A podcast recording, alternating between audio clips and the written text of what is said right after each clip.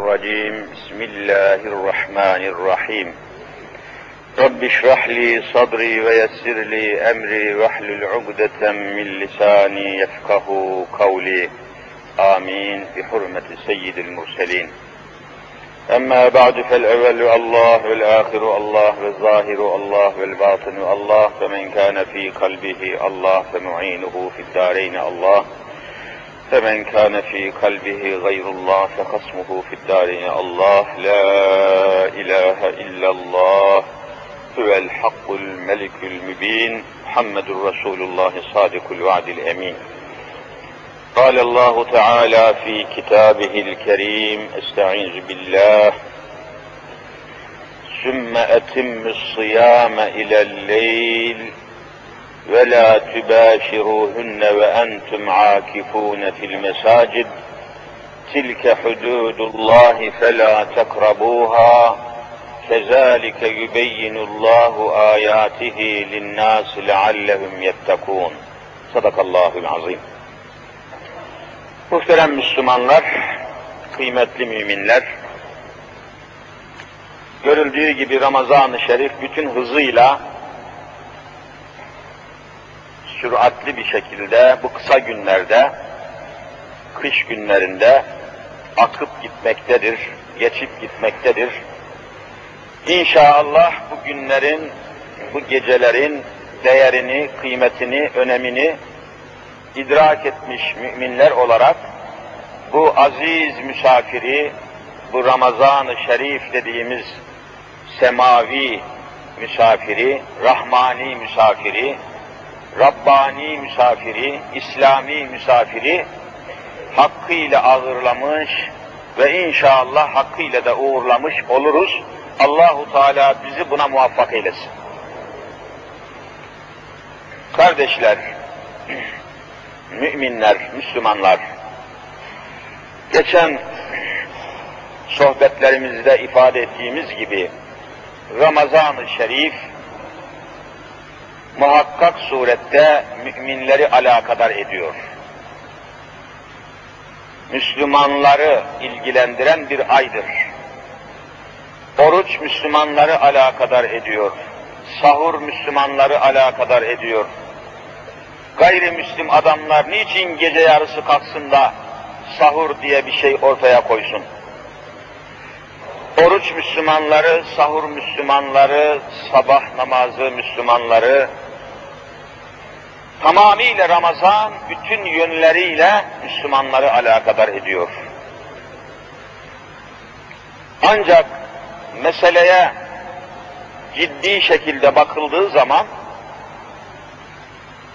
oruç tutmanın, Ramazan-ı Şerif'i idrak etmenin manası, mahiyeti ve hakikati üzerinde fazla durulmadığı anlaşılıyor. Cemaat-i Müslim'in alışıldığı gibi işte her sene her sene işin şekil tarafına önem vermek suretiyle asıl üzerinde durulması gereken Ramazan-ı Şerif'in manası, meramı, maksadı üzerinde fazla durulmadığı kanaati hasıl oluyor.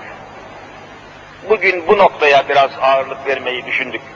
Sohbetimizi bu hususta biraz daha derinleştireceğiz. Önce oruçlu bir Müslümanın takındığı tavır. Bakın bir tavır takınmışız. Özel bir tavrımız var. Oruç bir tavırdır. Tavır, tavır. Neye karşı? Yemeğe karşı bir tavrımız var. Şimdi önünüze dünyanın en lezzetli yemeği gelse vallahi yiyemezsiniz. Bak tavrınız belli. Önünüze en mükemmel içecekler, meşrubatlar gelse içemezsiniz. Helaliniz olan nikahınızın altında bulunan hanımınız mümkün değil yaklaşamazsınız. Bak bir tavır var, ortaya bir tavır koymuşsunuz. E bu nedir bu? Bu noktada oturup düşünmemiz lazım. Bir tavrımız var. Ramazan Ve Ramazan'daki oruç görüyorsunuz ki çok özel bir tavır takınmamızı gerektiriyor. Bunun manası ne olabilir? Bunun maksadı ne olabilir?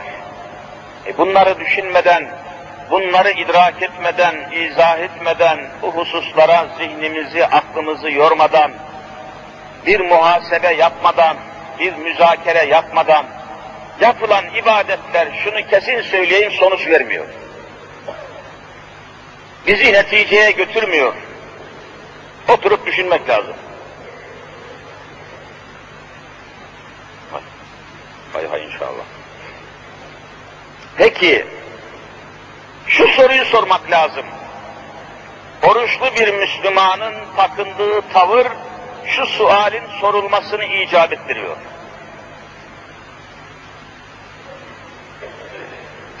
Bir Müslüman olarak şu soruyu nefsimize, öz benliğimize sormamız icap ediyor. Neden melekler oruç tutmaz? Neden hayvanlar oruç tutmaz? Neden gayrimüslimler oruç tutmaz? Neden sadece Müslümanlar oruç tutar? Müslümanlar, gelin şu suali sorun kendinize ya. Bu sual sorulmadan oruç anlaşılmaz. Kişi öz benliğine, ruhuna, vicdanına, nefsine bu soruyu sormadan oruç tutmasın. Bir meselenin manası, maksadı, meramı, hakikati, mahiyeti anlaşılmadan ibadet etmeyin. Neticeye gidemiyoruz. İstenilen sonuç elde edilemiyor. İşin manası ve mahiyeti anlaşılmadan sarıp sarmayın. İşin mana ve mahiyeti anlaşılmadan namaz kılmayın. Sakal bırakmayın. Tarikatlara girmeyin. İşin aslı anlaşılmadan manası bilinmeden girmeyin, gitmeyin. Hacca gitmeyin, haccın manası anlaşılmadan. Arafat'a çıkmayın, Müzdelife'ye gitmeyin, şeytanı taşlamayın, manası anlaşılmadan, maksadı anlaşılmadan yapmayın. Neticeye gidemiyoruz, toplum temizlenemiyor, sahtekarlık alıp başını gidiyor, tarikatlar rezalet yuvası haline gelebiliyor, insanlar aldatılıyor, insanlar çatlatılıyor. İşin şekline bakmayın, şekil hiç mühim değil. Niçin melekler oruç tutmaz? Niçin melekler oruçla mükellef değil? Niçin hayvanlar oruçla mükellef değil? Niçin gayrimüslimler oruçla mükellef değil? Niçin sadece Müslümanlar oruçla mükellef? Niçin çocuklar oruç tutmaz? Niçin deliler, akılsız insanlar oruç tutmaz? Bütün bunların sorulması lazım. Yoksa havaya oruç tutuyoruz. Neyin peşindesiniz? Neyin manası içindesiniz? Neyin idraki içindesiniz? İşte meseleye bu perspektif diyorlar yani bakış noktası, bakış açısı. Bir yerden bakmamız lazım meseleye. Kardeşler, hayvanlarla insanlar arasında mutlaka kesin ve keskin çizgiler var, farklar var. Hayvanların yaşamasıyla Müslümanların yaşaması arasında muhteşem farklar var. Fark olacak. Hayvanlar niçin yaşar? Sadece yemek ve içmek, üremek, türemek için yaşarlar. Yerler, içerler, yediklerini, içtiklerini belli merhalelerden geçirirler, üreme yaparlar, türeme yaparlar.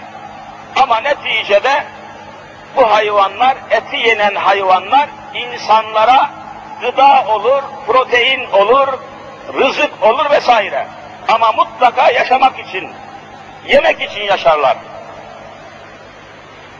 Fakat Müslümanlar böyle olamaz. Bir Müslümanın yaşaması ile bir hayvanın yaşaması, bir melek, meleklerin yaşaması arasında fark, Allah bir fark ortaya koymuştur. Bakın melekler günah işleyemezler. Bir meleğin önüne anadan doğma dünyanın en güzel karısını koyun etkilenmez. Çırılçıplak bir karıyı koy meleğin önüne. O melek ondan etkilenmez. Niçin diye sorarsak ne cevap verirsiniz? Niçin? Çünkü melekte nefis yok. Onun Cenab-ı Hak melekleri yaratırken meleğin mayasına, hamuruna diyelim neyse yaratılış maddesine nefis koymamış, şehvet koymamış. Yok. İstese de günah işleyemez. Meleklerin günah işleme özgürlüğü yok. Günah işleyemezler. Allah meleklere günah işleme özgürlüğü, hürriyeti vermemiş. Nefis yok, şehvet yok. Meleklerden kadın erkek olmaz, meleklerin cinsiyeti yok. Meleklerde cinsiyet olmaz. Bakmayın siz sapık Hristiyanların melekleri kadın biçiminde, kız biçiminde yapmalarına bakmayın. Hristiyanlar vallahi sapıktır. Melekleri kadın biçiminde yaparlar. Uzun saçlı, yanaklı, damaklı, kadın biçim. Melek kadın olur mu ya? Meleklerin dişisi olmaz, erkeği olmaz. Adamların hiçbir şeyden haberi yok. Hayvanlar da günah işleyemezler. Hayvanların yaptıkları, ettikleri günah olmaz. Niye? Hayvanlarda da akıl yok. Akıl olmayınca sorumluluk yok. Sorumluluk olmayınca ceza yok. Mükafat yok. Hayvanın ne cennete gideceği var ne cehenneme gideceği var. Ama kardeşler, müminler, efendiler, temiz insanlar, oruçlu Müslümanlar, işte Müslümanlar öyle değil. İnsanları Allah çok farklı bir ortamda yaratmış. Meleklerle hayvanların ortasındayız. Eğer imanımızı ibadetlerle, Allah'ın emirleriyle, Allah'ın hükümleriyle besleyebilirsek, süsleyebilirsek, Allah'ın sınırlarından aşmazsak, şaşmazsak ilahi hükümleri, Hz. Muhammed Mustafa sallallahu aleyhi ve sellemin sünnetini takip edersek, dikkat edersek, nefsimize, şehvetimize, keyfimize aldanmazsak, kapılmazsak, sapıtmazsak, tarik-ı müstakimi günde 40 sefer ihtine sıratel müstakim sözümüzün tatbikatını yapabilirsek, vallahi yükseliriz, melekleri dahi aşarız. Ama nefsimize, keyfimize, şehvetimize, servetimize aldanır, sapıtır, yanılır, düşersek hayvanlardan daha aşağılık bir noktaya düşeriz. İnsana bak ne biçim yaratılmış. İşte oruç bu meselelerin içinde ele alınmalıdır. Allah bizden melek olmamızı istemiyor. Haşa, Allah'ın böyle bir muradı yok. İnsanlar isteseler de melek olamazlar. Niye? İnsanların mayasında, hamurunda, çamurunda, kökeninde nefis var. Nefis ölmez. Hiç kimse nefsini öldüremez. Ben nefsimi öldürdüm diyen Allah şahit ki yalan söyler. 99 yaşındaki bir ihtiyarın önüne çok genç ve güzel bir kadın çırçıplak soyun, vallahi etkilenir. O melek değildir. Kimse kendisini kandırmasın. Efendim ben etkilenmem, ben alakadar olmam, ben nefsimi öldürmüşüm. Bunlar sapık sözler. Öyle şey olmaz. İşte bak, sapık tarikatları görüyorsunuz. Gündüzleri geceye çeviren serseriler, sapıklar, ahmaklar. Genç ve güzel bir kadının karşısında mum gibi eriyen, kar gibi eriyen namussuzlar. Ne tarikatı ya? Hani nefse hakimiyet, hani İslam? Hani ahlak, hani maneviyat, hani ruhaniyet?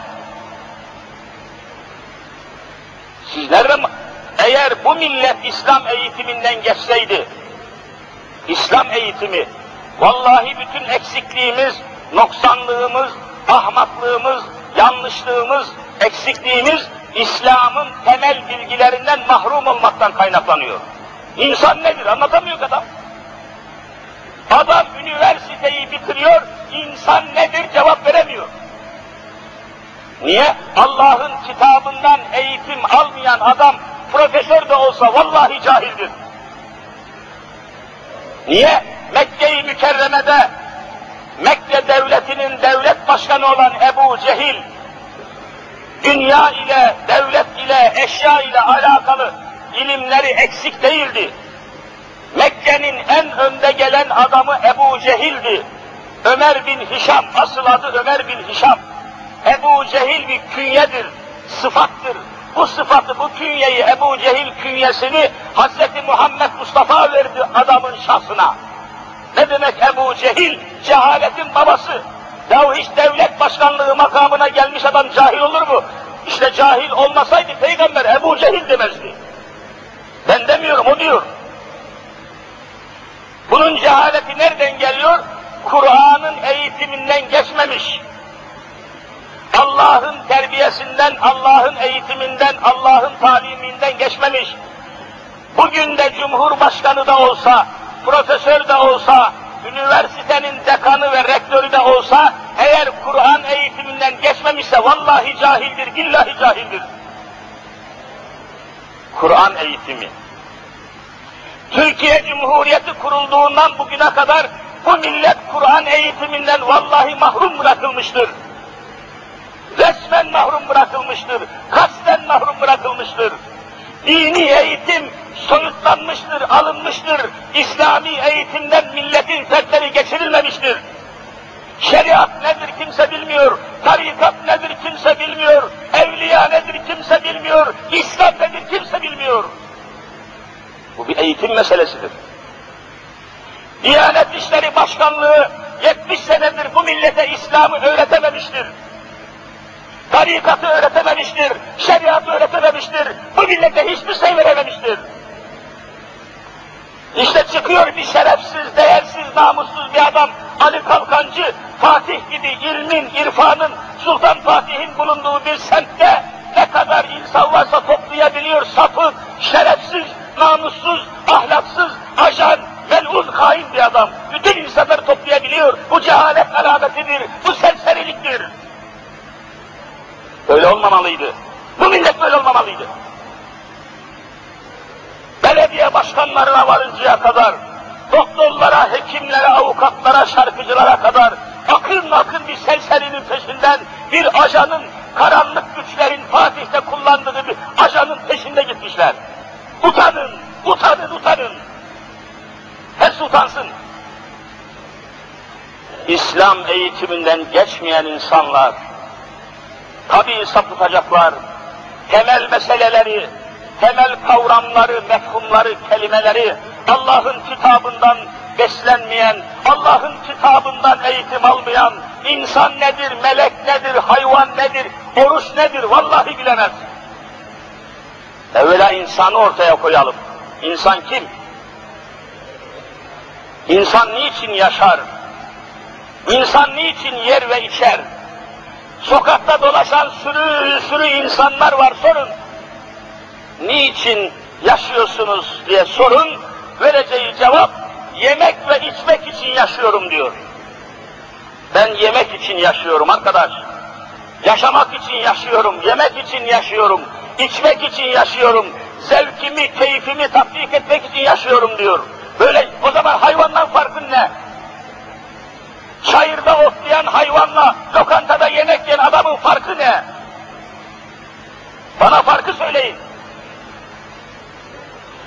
İşte Ramazan orucu bu farkı ortaya koyuyor. Bakın şimdi yemekten içmekten kesilmişiz.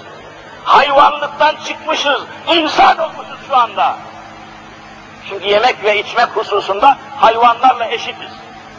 Onlar da yiyor, içiyor, insan da yiyor, içiyor ama Müslüman Allah'ın bakın emrine uyarak, ibadet ederek, kulluk ederek, hudud-u ilahiyeye girerek, Allah'ın emrine girmiş insanlar olarak yemeği içmeyi bırakmışız.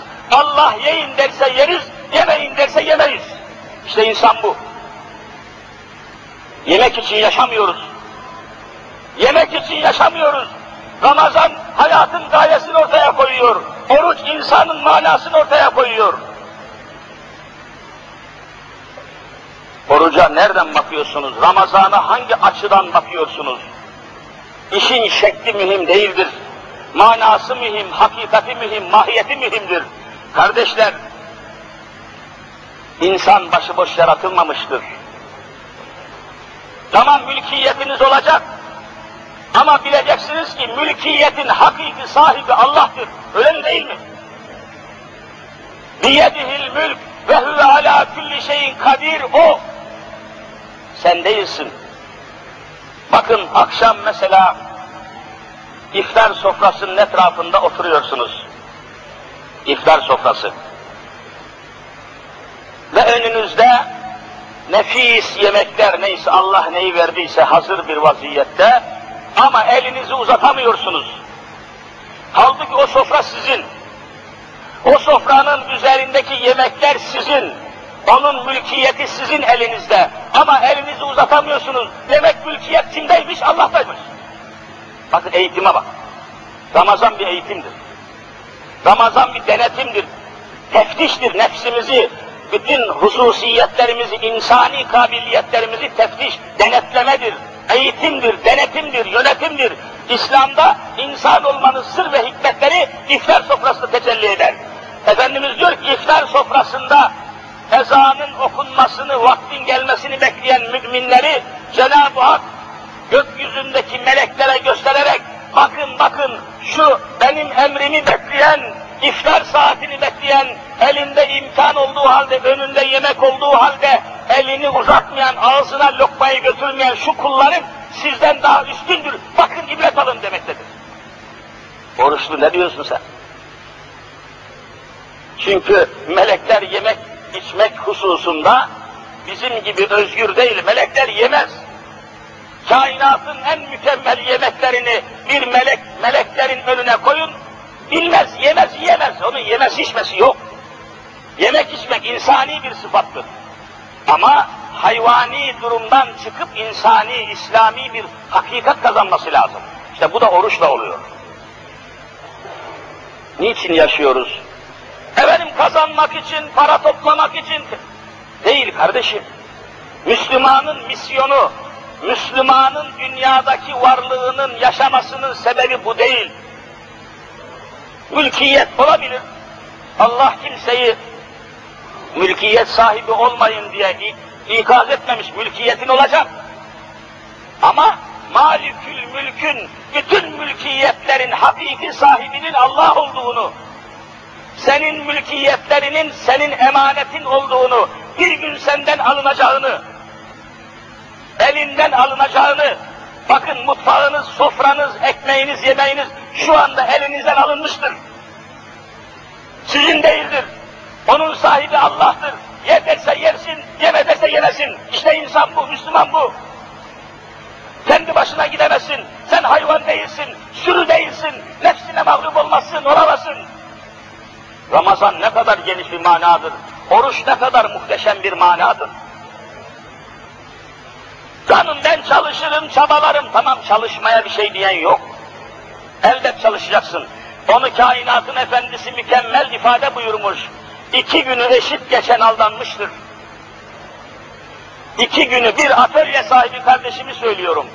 Geçen seneki kazancı 100 milyon olan, misal olsun diye söylüyorum, 100 milyon, 100 milyar kazancı olan kardeşimiz bu sene 200 milyar kazanca ulaşamamışsa Peygamberimiz bu kardeşimin zararda olduğunu söylüyor. Daha bundan mükemmel bir şey söylenir mi?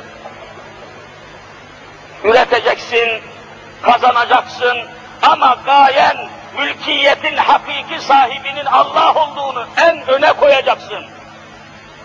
Çünkü dünyada ne kazanırsan kazan, ne toplarsan topla, bütün dünya ve dünyalıklar görüyorsunuz ki ahirete taşınıyor. Ahirete bir taşınma var, bir aşınma var, bir göçme var, bir gitme var. Bunu önleyemiyorsunuz. Bunu durduramıyorsunuz. Ne kadar çalışırsanız çalışın, ne kadar uğraşırsan uğraşın, işte ancak belki bugün şartlara göre bir Vehbi Koç olabilirsiniz.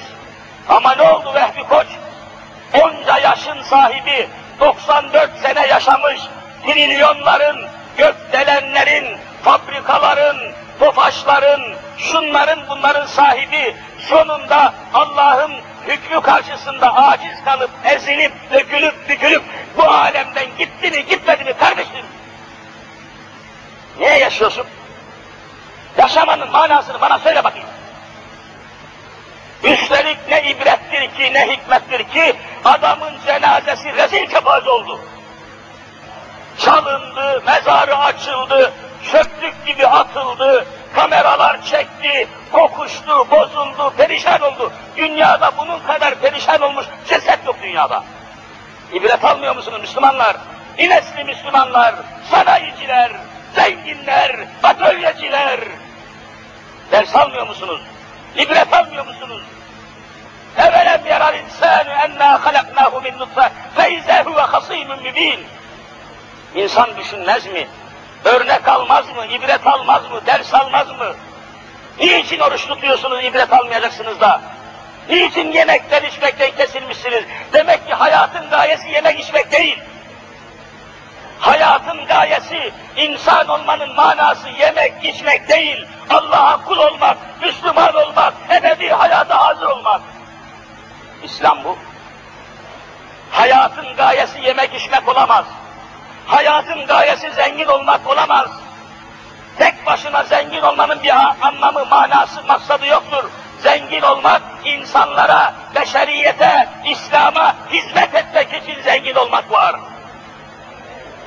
Yoksa sorumluluktur, beladır zenginlik. Sorumluluktur zenginlik. Şimdi Vehbi Koç'un yarın mahşer günü Allah'a nasıl hesap vereceğini düşünüyorum da vallahi içim kapkara oluyor benim. Nasıl hesap verecek? Onca servetin, onca imkanın, onca efendim varlığın, dünyalığın, eşyalığın eğer dinine, İslam'a, insanlığa hizmet etmeden gitmişse bu adam nasıl Allah'a hesap verecek? Onca servetin hesabı ne kadar uzun sürecek? Niye düşünmüyorsunuz kardeşim? İşte Ramazan bize bunları hatırlatıyor.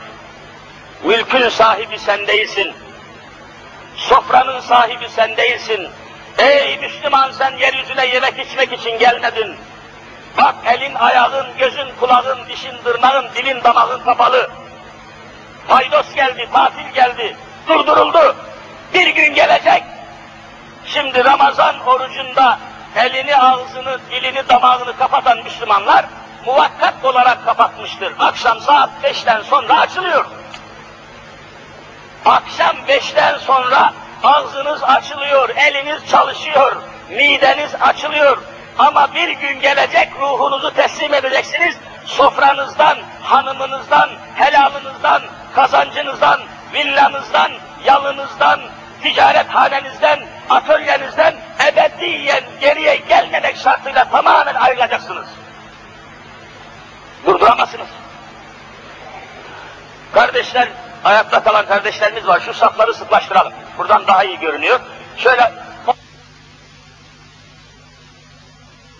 sürüklemek isteyenlere fırsat vermemenin yegane çaresi temel meseleleri mutlaka öğrenmekten geçiyor.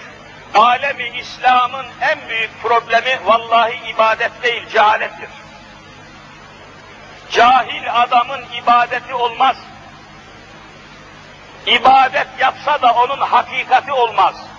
Mahiyeti olmaz, manası olmaz. Kurban olduğum Hazreti Ali radıyallahu anh Efendimiz talebeyken onun Arapça dersinde olaylar karşısında bizi sapıklığa sürüklemek isteyenlere fırsat vermemenin yegane çaresi temel meseleleri mutlaka öğrenmekten geçiyor. Alemi İslam'ın en büyük problemi vallahi ibadet değil, cehalettir. Cahil adamın ibadeti olmaz. İbadet yapsa da onun hakikati olmaz. Mahiyeti olmaz, manası olmaz.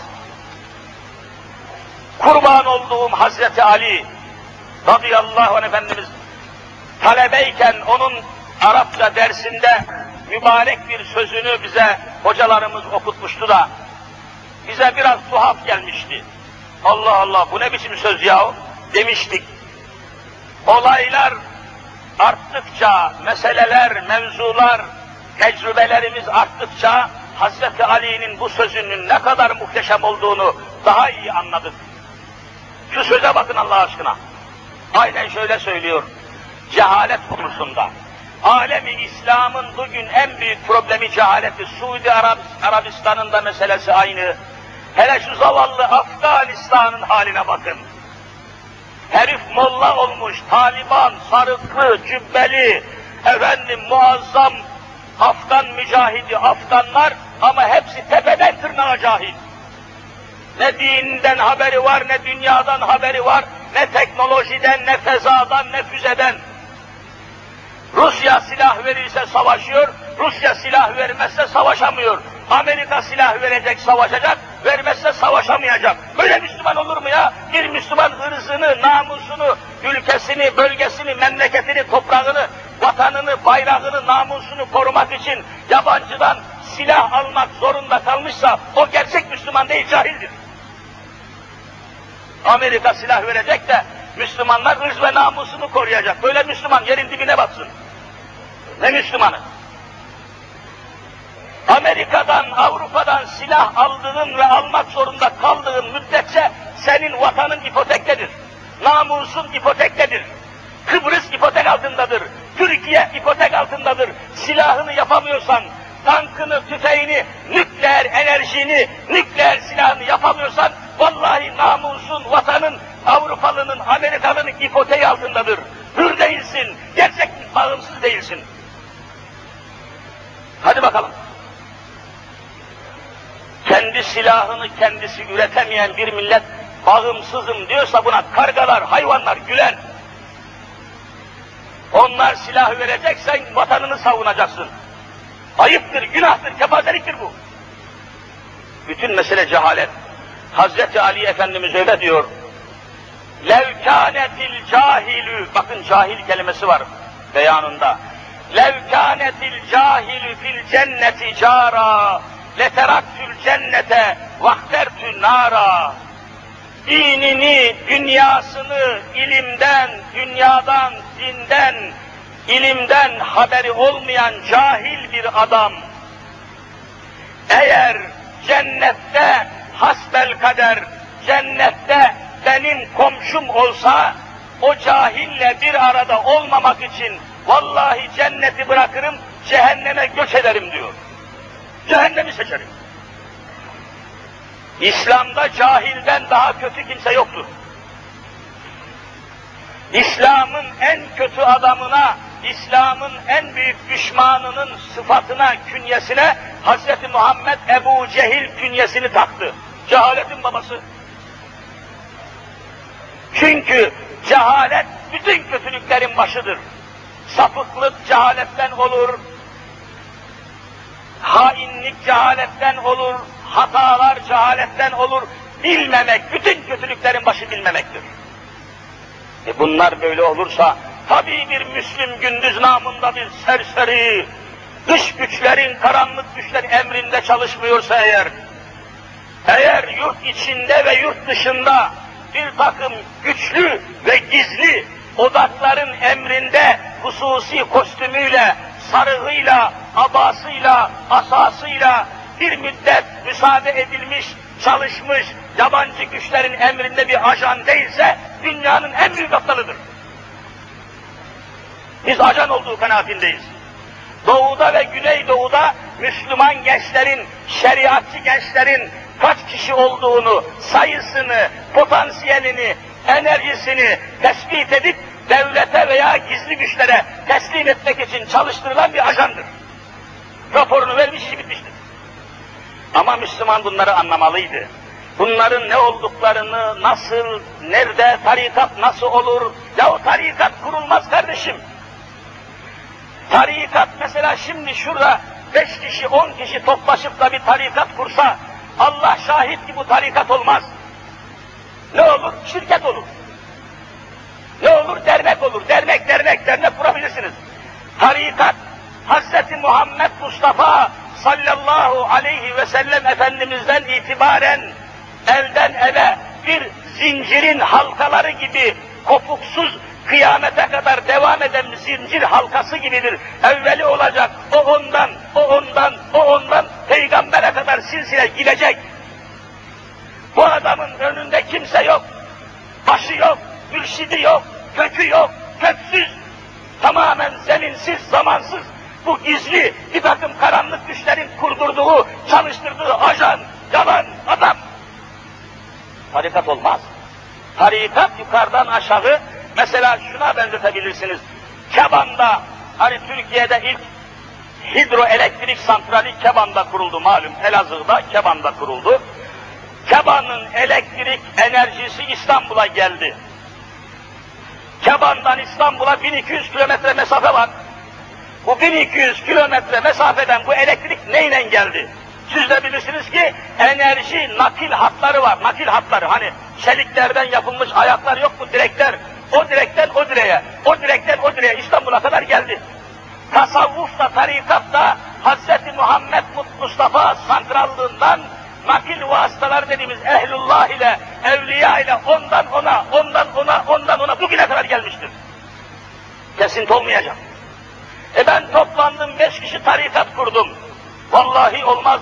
Eğer kelimenin manasını bilseydiniz, lügatlerden, kitaplardan beş dakika okusaydınız, bu adamların tarikat adamı olmayıp sapıklık, ben bu gibi tarikatlara bir kelime buldum, bilmem hoşunuza gider mi? Allah'ın yolunun üstüne kurulmuş barikat, bunlara tarikat demeyin, barikat, barikat, barikat engel demek. Tarikatlar bunlar ya, ne tarikatı ya? Tarikat Yunus Emreleri, Ahmet-i Yesevileri, Hacı Bayram Velileri, Akşemseddin Velileri, Şeyh Hamid Velileri yetiştiren bir terbiye mektebidir. Böyle sapıkların, ırz ve namus düşmanlarının dergahı değildir. Ah İslam, ah İslami eğitim, ah Kur'an eğitim, şu millet kasten 70 sene mahrum bırakıldı. Şimdi de alay ediyorlar. Sen okutmadın. Az çok bakın, soruyorum size, bu sapık tarikatlar içerisinde görüyorsunuz, İmam Hatip okullarından, ilahiyat fakültelerinden bir tane sapıklığa düşmüş adam bulamazsınız. Halbuki İmam Hatip okulları öyle fevkalade mükemmel ilim verilen diye yerlerde değil. Çağrı naçar, kırpıla, kırpıla, kırpıla İmam Hatip okullarını kuşa çevirmişler. Bakın azıcık bir ilim, azıcık bir ilim, eğitim, bakın sapıklığı önlüyor. İmam Hatip okulları mezunları arasında bir tane terörist vallahi bulamazsınız. Bir tane anarşist gördünüz mü? Bir tane sapık tarikatçı duydunuz mu? Niye az çok ilim, akaid okunmuş, tefsir okunmuş, hadis okunmuş, fıkıh okunmuş, az buçuk, az buçuk da olsa bakın insanlar nereye geliyor? Ama şimdi bakın görüyorsunuz, TÜSİAD diye bir dernek var. Ya dernek, o kadar çok dernek içinde, bu da bir dernek olduğu halde, devletin sahibi benim deri gibi TÜSİAD, Türk Sanayicileri ve İş Adamları Derneği, TÜSİAD, bir rapor hazırlamış, efendim, din dersleri diyor mecburi olmaktan çıkarılsın, din dersleri yasaklansın. İmam Hatip okullarına kız talebe alınmasın, İmam Hatip okullar orta kısmı kapansın diyen bu iş adamları hangi kaynaktan besleniyor? Bu zalimlere kim bunları bu bilgileri veriyor? Bu raporu kim hazırlatıyor? Az çok neslimiz, yavrularımız, çocuklarımız İmam Hatip okullarına biraz vatanını, memleketini, yurdunu, yuvasını, dinini, imanını az çok öğrenirken Türk iş adamları ve sanayiciler derneği bu okulların kökünün kazınmasını isteyen bir raporu bugün Türkiye'de tartışmaya açtı. Vay zalim oğlu zalimler vay. Dini İslam'dan uzaklaşırsa millet ne olur? Vallahi batarız, vallahi biteriz diyorum. Bu milleti ayakta tutan ekonomi değildir. Bakın paramızın değerini görüyorsunuz. Doların karşısında 115 bin basamak geride kaldı. Ekonomiden dolayı ayakta değiliz. Bu milleti bu halde, bu enflasyona rağmen, 15 yıldır PKK terörüne rağmen, bu kadar göçe, bu kadar zahmete, bu kadar musibete rağmen bu millet parçalanmamış, bölünmemiş, dökülmemişse bunun bir tek sebebi var. İslam, İslam Hz. Muhammed Mustafa'dır. Ondan uzaklaştırırsanız vallahi parçalanırız. İslam'dan çıkarsa dinini, imanını yok sayarsanız, İslam kültürünü, İslam medeniyetini ortadan kaldırırsanız, Türk milleti diye bir millet vallahi kalmaz. Bak Ramazan'dayız. Ramazan'la bizim milletimiz bütünleşmiştir. Bakın Ramazan diyoruz, Kur'an'da geçiyoruz. Şehrü Ramazan ellezi ünzile fihil Kur'an. Bakın Kur'an'da Ramazan kelimesi var. Bizim milletimiz Ramazan kelimesini o kadar sevmiş ki, Ramazan kelimesini o kadar sevmiş ki, çocuklarının adını siz söyleyin Ramazan koymuş mu koymamış mı? Bak bütünleşmişiz. Kültürümüz olmuş Ramazan. Kimliğimiz olmuş. Recep isminde ne kadar insanımız var. Recep Allah'ın ayı. Allah Recep'i seviyor diye bu millet bu Recep'i sevmiş, çocuklarına isim yapmış mı yapmamış mı? Yapmış. Yapıyorsun sen? Bu bir takım sapıklar, şerefsiz medya, şeye, şerefsiz gazeteciler İslam'ı kötülemekte millete en büyük kötülüğü yapıyorlar. Millet haini bu adamlar. İslam'ın düşmanları vallahi bu milletin hainidirler. Bizi hayatta tutan İslam'dır. Hayatta tutan İslam'dır. Kardeşlik İslam'dan geliyor. Bakın şu Ramazan orucunu ihtişamına nasıl toplandık. Sahurlarda, iftarlarda, toplantılarda kardeşler, müminler nasıl bir araya geldik. Siz düşünün hangi enerjiyle, hangi kuvvetle akşam saat 5'i, saat 5'i 15 geçe, 5'i 16, 17 geçe milyonlarca insanı aynı anda kaşıklarını çorbaya uzattıracak, bu birliği, bu beraberliği sağlayacak hiçbir güç ve enerji var mıdır soruyorum. Milyonlarca insan aynı anda kaşığını çorbaya uzatabiliyor. Bu birliği, beraberliği hangi kuvvet sağlayabildi? Bana söyleyin. Müslümanlar, müminler, kardeşler. Milyonlarca insan gecenin saat beşinde sahura evlerin ışıkları, balkonlar, pencerelerde ışıklar parlamaya, patlamaya başlarken hangi siyasi güç, hangi ekonomik güç, hangi idari güç milyonlarca insanı gecenin yarısında kendi arzusuyla yakarından kaldırmanın birliğini kim sağlayabilir? Bana söyleyin ya. İslam bu birliği sağlamış. Gelin bu İslam'ı bozmayalım. Gelin bu İslam'ı dışlamayalım. Gelin İslam'a sahip çıkalım. Gelin İslam'ı anlayalım. Gelin İslam'ı öğrenelim. Gelin İslam'ı öğretelim. Başka şansımız yok. Türkiye Cumhuriyeti hayatta kalacaksa İslam'la kalacaktır. Bakın sosyalizm rezil oldu. Komünizm rezil oldu. Kapitalizm rezil oldu. Efendim naturalizm rezil oldu. Bütün sistemler, rejimler çöktü, çöktü, çöktü. Hayatta kalan, hayatta kalan bir tek İslam kaldı. Onu da çökertirseniz Türkiye kalmaz, millet kalmaz diyorum. İslam'a sahip çıkalım. Müslümanlar, kardeşler, müminler, öğrencilere, İmam Hatip okullarına sahip çıkalım. Varsın falan siyasi parti, varsın TÜSİAD, Türk iş adamları aleyhinde, hayır millet desteklediği sürece 50 bin tane iş adamı vallahi muvaffak olamayacaktır. İmam Hatip'ten vazgeçmeyeceksiniz, İslam'dan vazgeçmeyeceksiniz, İslami eğitimden vazgeçmeyeceksiniz. Hiçbir siyasi kuruluş bunu önünü kesemeyecek. Allahu Teala şu Ramazan-ı Şerif hürmetine davayı dini İslam'ın anlaşılmasını, anlatılmasını, yaşanmasını, Allah'ın hükümlerinin yerine getirilmesini ve bütün dünyanın bu sebeple bu sayede hidayete ulaşmasını, adalete ulaşmasını, fazilete ulaşmasını Rabbimizden niyaz edelim. Bakın Avrupa'da, Asya'da, Afrika'da, Amerika'da vallahi İslam çığ gibi gelişiyor. Geçen sene gördünüz, duydunuz, işittiniz Amerikan Cumhurbaşkanı Clinton denilen adam Beyaz Saray dedikleri Amerikan yönetim merkezi, White House diyorlar, Beyaz Saray. Beyaz Saray'da Amerika'daki Müslüman cemaatlerin önderlerini, ileri gelenlerini Beyaz Saray'a çağırdı, vallahi iftar yemeği verdi, teravih namazı kılındı, sahura kadar Beyaz Saraylar Kur'an-ı Kerim okundu. Bakın İslam'ın kuvvetine, inkişafına, intişarına, bugün Asya'da İslam çığ gibi gelişiyor.